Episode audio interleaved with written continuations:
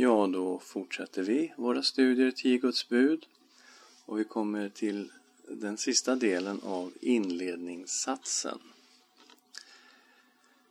Jag är Herren din Gud som har fört dig ut ur Egyptens land, ur träldomshuset. Ska vi be tillsammans. Tack Herre för att du är också den som har fört ditt folk ut ur träldomshuset. Du har befriat ditt folk från slaveriet. Och tack Herre för att du är också vår befriare idag.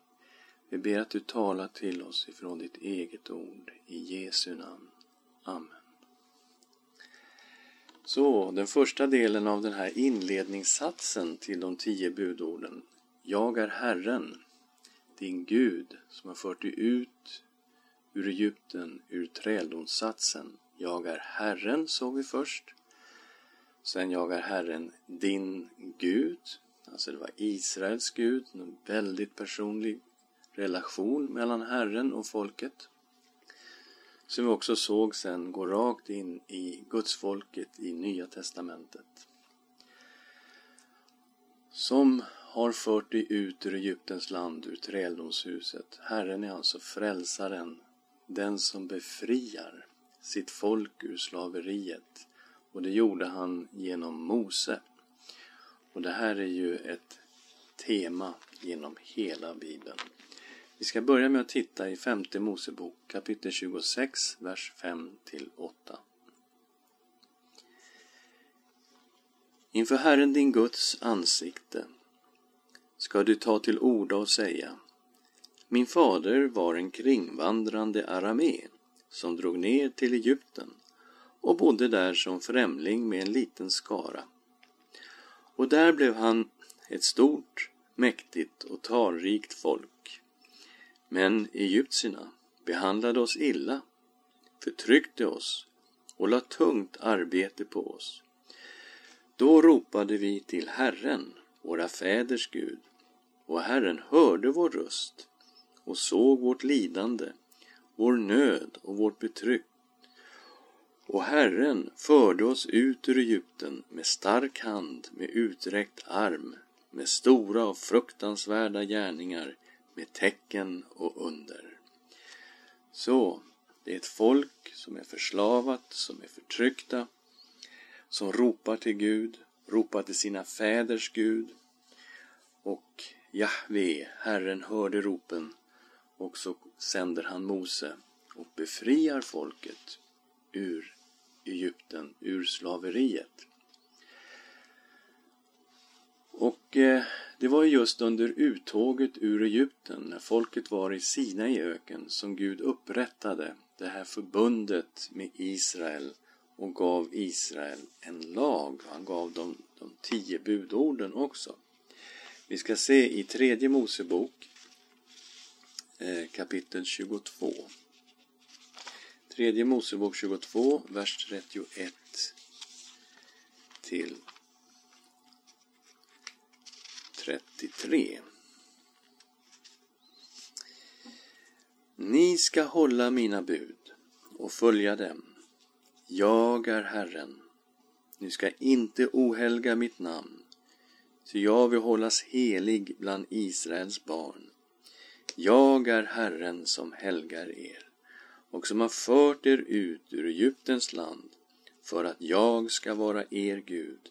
Jag är Herren.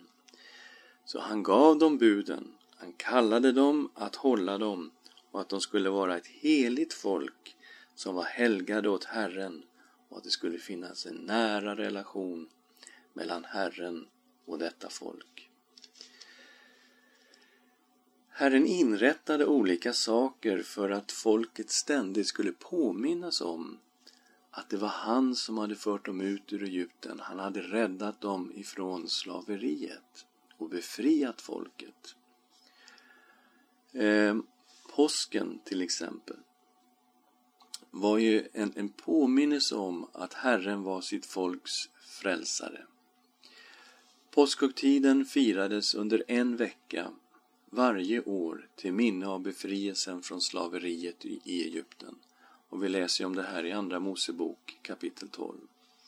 Man offrade ett påskalamm blodet från påskalammet ströks på dörrposterna för att Gud skulle skona allt förstfött i Israels barns hus. Och påskalammet och det osyrade brödet, det åts med hast till minne av uttåget ur Egypten. Så varje år så påmindes man om detta när man firade påsk. Att Gud hade befriat folket. Varje vecka så firade man ju sabbat. Och det var ju en dag, det var Herrens dag, en dag av tillbedjan inför Gud. Men en del av orsaken till att man firade sabbaten var också för att minnas uttåget, befrielsen ur Egypten. Vi läser från 5 Mosebok 5 och 15. Kom ihåg att du var en slav i Egyptens land och att Herren din Gud har fört dig ut därifrån med stark hand och uträckt arm. Därför har Herren din Gud befallt dig att hålla sabbaten. Så själva sabbaten var också varje vecka en påminnelse om befrielsen ut ur Egypten. Och för att folket väldigt nära och personligt alltid skulle minnas hur Gud befriade sina barn så skulle allt förstfött av hankön i Israel lösas åt Herren. Vi läser det här i Andra Mosebok kapitel 13, vers 11 till 16.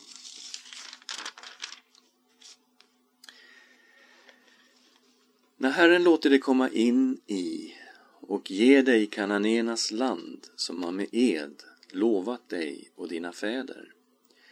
Då ska de överlämna till Herren allt som öppnar moderlivet, allt förstfött bland din boskap som är av hankön ska tillhöra Herren. Men allt som öppnar moderlivet bland åsnor ska du lösa ut med ett får, och om du inte vill lösa det ska du krossa nacken på det. Varje förstfödd son ska du lösa ut.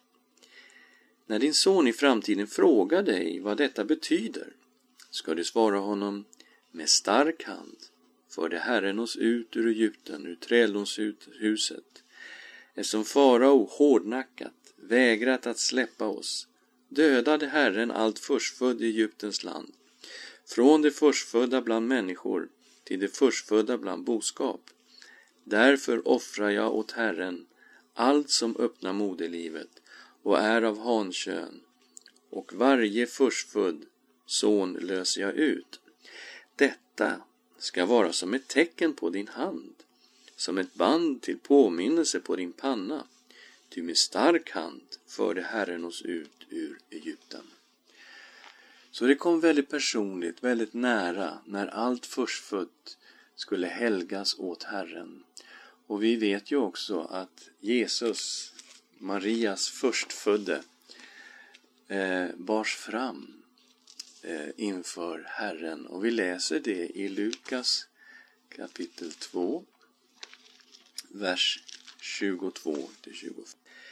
När tiden för deras rening var förbi, den som var föreskriven i Mose lag, förde de honom upp till Jerusalem för att bära fram honom inför Herren, som det var befallt i Herrens lag. Varje förstfödd son som öppnar moderlivet ska räknas som helgad åt Herren. De skulle även offra ett par turturduvor duvor och två unga duvor enligt Herrens lag. Så till och med Jesus fick bäras fram på det här sättet, den förstfödde, helgad åt Herren. Och det här var alltså en påminnelse om hur Israel, eller hur Israel beskyddades, befriades av Gud ut ur Egypten när Herrens dom gick över Egyptens land. Tyvärr läser vi också i Gamla testamentet hur det här folket gång på gång vandrade bort från Herren. Och då sände Gud sina profeter som varnade folket för straff om de bröt Herrens förbund. Vi kommer till Hosea bok och vi läser om hur det här folket tyvärr vandrade bort från Herren och Herrens förbund. Hosea kapitel 8, vers 1-3. Sätt hornet för din mun, som en örn kommer fienden över Herrens hus eftersom de har brutit mitt förbund och syndat mot min lag. De ropar till mig, min Gud, vi känner dig, vi Israel. Israel har förkastat det som är gott. Därför ska fienden förfölja dem. Nionde kapitlet, vers 1-3. Gläd dig inte, Israel, så att du jublar som folken. I trolös avfällighet har du övergivit din Gud. Du har älskat en skökas lön på alla sädeslogar. Logen och vinpressen ska inte föda dem och vinet ska slå fel för dem. De ska inte få bo i Herrens land. Efraim måste vända tillbaka till Egypten och i Assyrien ska de tvingas äta oren mat. I elfte kapitlet, vers 1-5. När Israel var ung fick jag honom kär och ut ur Egypten kallade jag min son. Men ju mer de har blivit kallade, desto mer har de dragit sig undan. Åt balerna offrar de och åt de uthuggna bilderna tänder de rökelse. Ändå var det jag som lärde Efraim att gå och som tog dem upp i mina armar, men de förstod inte att jag ville hela dem. Med lena band drog jag dem, med kärlekens band. Jag var för dem lik en som lättar oket över deras nackar. Jag böjde mig ner till dem och gav dem mat. De ska inte få vända tillbaka till Egyptens land, utan Assur ska bli deras kung, eftersom de vägrade att omvända sig. Och profetian går i uppfyllelse. År 733 f.Kr. så tog assyrierna kontroll över området. År 722 f.Kr. förstördes Samaria som var huvudstaden i det norra riket som hette Israel. Och folket fördes bort i fångenskap. Och senare intog Babylonien det sydliga Juda och Jerusalem och folket fördes bort i fångenskap i tre omgångar. År 605 f.Kr. med profeten Daniel i den gruppen. År 597 f.Kr. med profeten Hesekiel i den gruppen och slutligen 586 f.Kr. när Jerusalem och templet förstördes. Men eh, Herren hade talat om att den här fångenskapen skulle komma, men hade också genom profeten Jeremia profeterat att Herren skulle låta folket komma tillbaka ännu en gång till det här landet. Och vi läser om det i profeten Jeremia kapitel 23. Jeremia kapitel 23 och vers 7 och 8. Se dagar ska komma, säger Herren, då man inte mer ska säga så sant Herren lever, han som förde Israels barn upp ur Egyptens land, utan så sant Herren lever, han som förde avkomlingar från Israels hus ut ur landet i norr och hämtade dem ur alla länder dit jag hade drivit dem bort. Så ska de få bo i sitt land.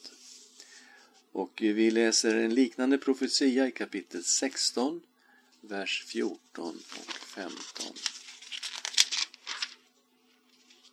Se, dagar ska komma, säger Herren, då man inte mer ska säga så sant Herren lever, han som förde Israels barn upp ur Egyptens land, utan så sant Herren lever, han som förde Israels barn ut ur landet i norr, ur alla andra länder dit han, han hade drivit bort dem.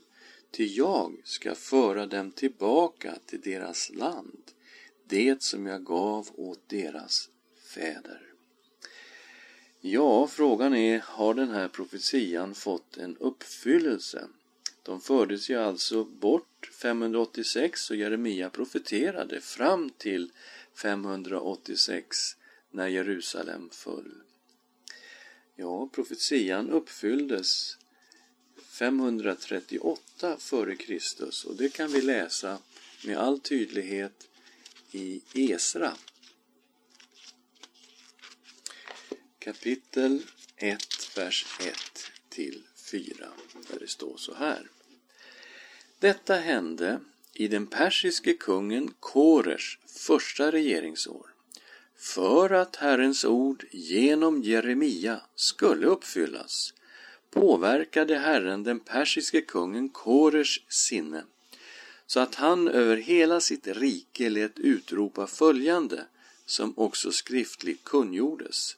Så säger Koresh, kungen i Persien, Herren, himmelens Gud, har givit mig alla riken på jorden och han har befallt mig att bygga ett hus åt honom i Jerusalem i Juda.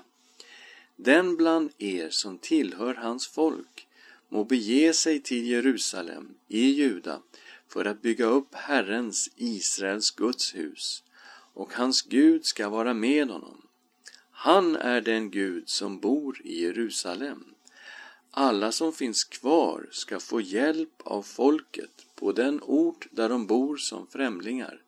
De ska få silver och guld, gods och boskap, förutom vad som frivilligt ges till Guds hus i Jerusalem.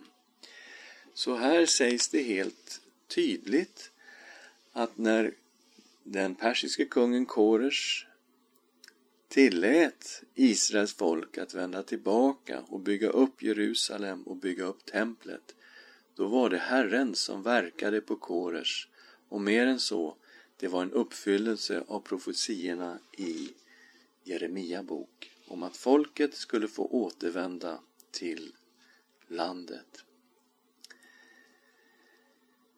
När vi kommer till det nya testamentet så ser vi att Herrens befrielse av Israels folk ur Egypten, ur slaveriet, det finns med som en grundtanke för Guds frälsning av sitt folk också i det nya förbundet, det nya testamentet. Vi kan se hur, hur man tänkte kring det här i Paulus brev till Korinterna, det första Korinterbrevet, kapitel 10. Vi läser vers 1 till 13. Bröder, jag vill att ni ska veta att alla våra fäder var under molnskyn. Alla gick genom havet. Alla blev i molnskyn och havet döpta till Mose. Och där handlar ju då om befrielsen ut ur Egypten. Månskyn så följde de i den här vandringen. Röda havet som klövs, de gick igenom det. Och så fortsätter vi vers 3. Alla åt samma andliga mat. Alla drack samma andliga dryck.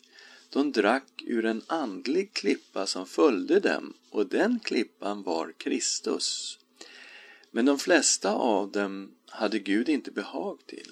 De föll och låg kringspridda i öknen. Det som hände dem har blivit ett varnande exempel för oss för att inte vi, liksom de, ska ha begär till det onda. Bli inte heller avgudadyrkare som en del av dem.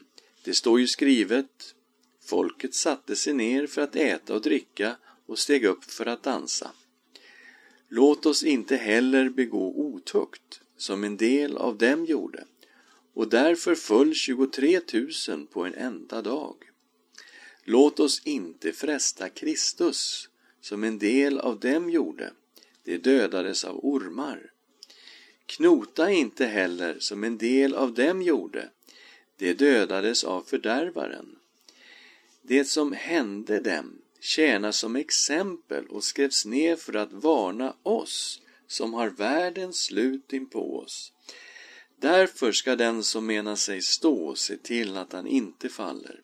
Ingen annan frestelse har drabbat er än vad människor får möta. Gud är trofast. Han ska inte tillåta att ni frestas över er förmåga, utan när frestelsen kommer ska han också bereda en utväg så att ni kan härda ut. Och här ser vi helt säkert att Paulus drar mängder av teman och tankar ifrån uttåget ur Egypten och befrielsen ur Egypten och tåget till det, det löfteslandet, till det förlovade landet, som en bild på frälsningen och livet eh, i Kristus och till slut hur vi ska nå fram till den kommande härligheten. Vi ser också att det är samma sätt som man undervisar på i Hebreerbrevet kapitel 3.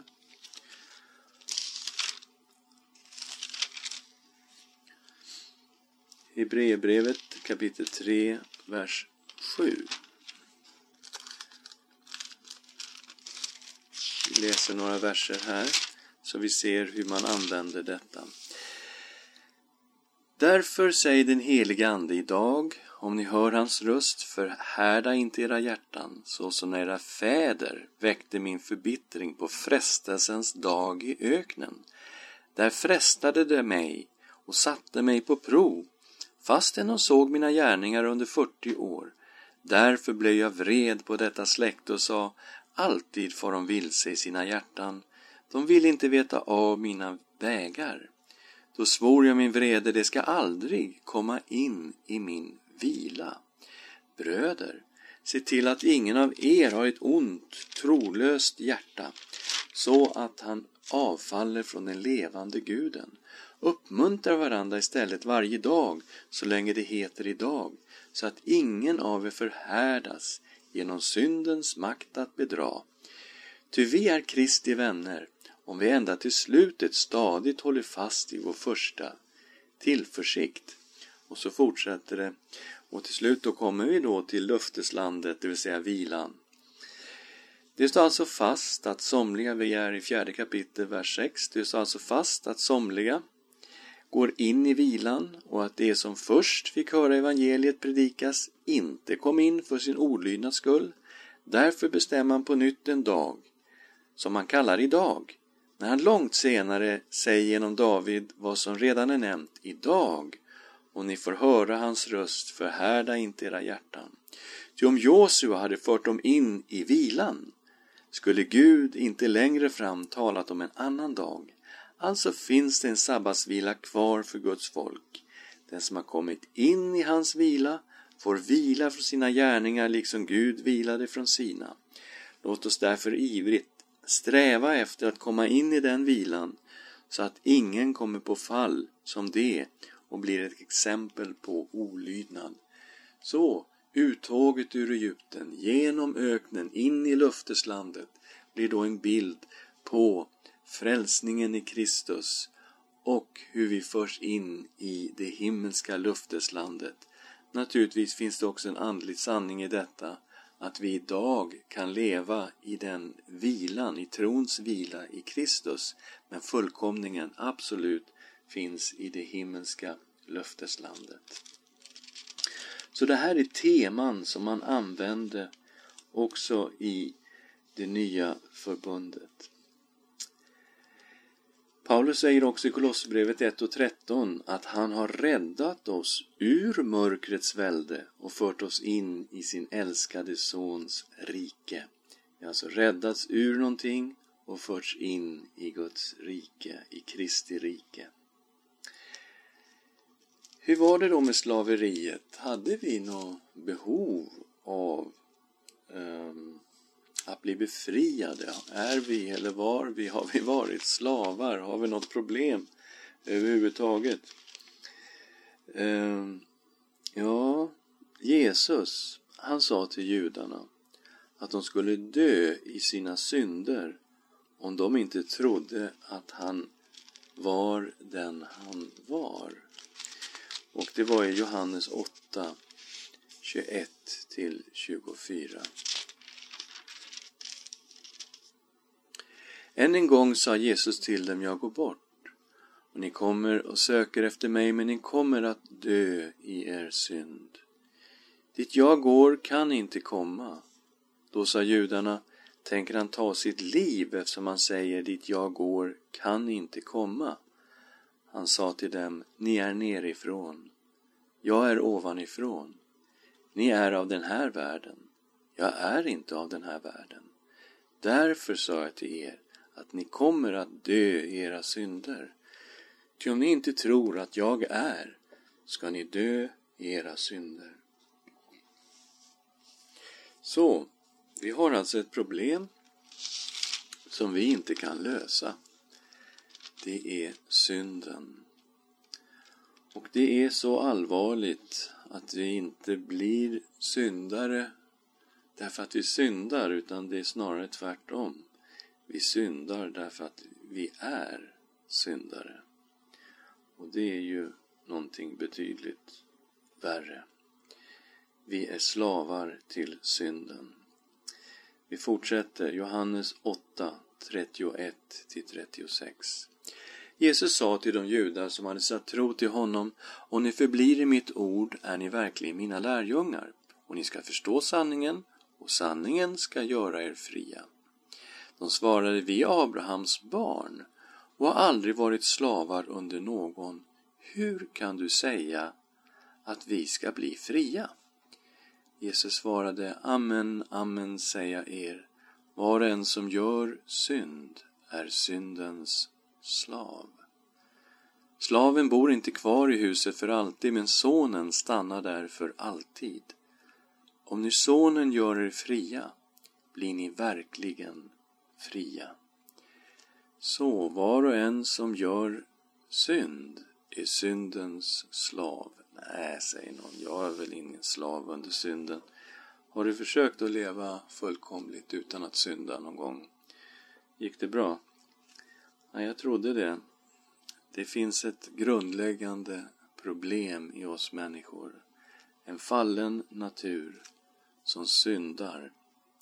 Det är vad vi alla bär på. Och Jesus fortsätter och knuffar dem så att säga bakåt för han vill visa dem en allvarlig konsekvens av att vara slavar under synden. Jag säger, ni, ni, ni gör ju er faders gärningar. Men vad då, säger de, vi, vi har ju Abraham till far, vi är Abrahams barn. Ja, säger Jesus, om ni var Abrahams barn, då skulle ni göra Abrahams gärningar. Ja, ni gör er fars gärningar. Ni, ni har en far och jag har en annan far. Och då säger de, hallå, vi har bara en far, det är Gud. Gud är vår far. Och vi kommer fram till 43 versen i Johannes 8. Varför förstår ni inte vad jag säger? Därför att ni inte kan lyssna till mitt ord. Ni har djävulen till er far.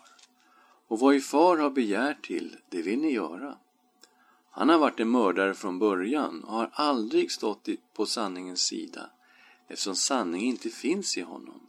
När han talar lögn talar han av sitt eget. Ty han är en lögnare, ja, lögnens fader. Mig tror ni inte, därför att jag säger er sanningen. Vem av er kan överbevisa mig om synd? Om jag talar sanning, varför tror ni mig inte? Den som är av Gud lyssnar till Guds ord. Ni lyssnar inte därför att ni inte är av Gud. Och här säger Jesus någonting som skakar i grunden. Han säger ni har djävulen till er far. Och då kan man undra, är det, är det svårt att hamna i en sån situation? Nej, det är inte särskilt svårt. Det är bara att leva på som människa. Så lever man i synd och gör synd. Och synden, den har inte Gud som sitt ursprung. Den har faktiskt ett ursprung i den onde själv. Han är lögnare, han är lögnens fader. Han kom med världshistoriens första lögn. Han kommer till Adam och Eva. Han kom till Eva och så säger han Ingalunda ska ni dö. och så lurar han Eva. Men det var den första lögnen. Ingalunda ska ni dö. Så det är inte särskilt svårt att hamna i den här tragiska situationen. I ett slaveri till synden och min situation där man inte är Guds barn utan på grund av att man syndar följer man den onde själv. Så behöver vi bli befriade. Hur är det med denna sak? Har vi något slaveri att hantera? Ja, Nya Testamentet är tydligt på det. I Första Petrusbrevet kapitel 1, vers 18 och 19 läser vi. Ni vet ju att det inte var med förgängliga ting, med silver eller guld som ni blev friköpta från det meningslösa liv ni ärvt från era fäder, utan med Kristi dyrbara blod, som blodet av ett lamm utan fel och lyte. På den tiden i romarriket fanns det ju slavar, det var relativt vanligt med slavar och det fanns en möjlighet att köpa slavar fria. Man kunde alltså ge en betalning och sen frige människor. Och eh, vi har på något sätt blivit friköpta. Men inte med silver och guld, utan med någonting oändligt mycket dyrare. Hur värdefull är du för Gud? Har du tänkt på det? Det är ju priset på en vara som anger eller indikerar varans värde. Och vad är det för pris? Kristi dyra blod. Hur mycket är Jesu liv värt? Vi alltså blir friköpta inte med guld och silver utan med Kristi dyrbara blod. Med blodet av ett lamm utan fel och lyte. Så den här bilden, jag är Herren din Gud som har fört dig ut ur Egyptens land, ur träldomshuset, med Herren som en befriare, med Herren som en frälsare. Den bilden går rakt in i Nya Testamentet. Och vi har blivit frälsta, befriade genom Jesus och priset i hans dyra blod. Låt oss be tillsammans. Tack Herre för att du har betalat med ditt eget blod och friköpt oss från det slaveri som vi levde under. Tack för syndernas förlåtelse. Tack för det eviga livet. Tack för den helige Ande som bor i oss. Vi prisar och tackar dig, levande Gud, i Jesu namn. Amen.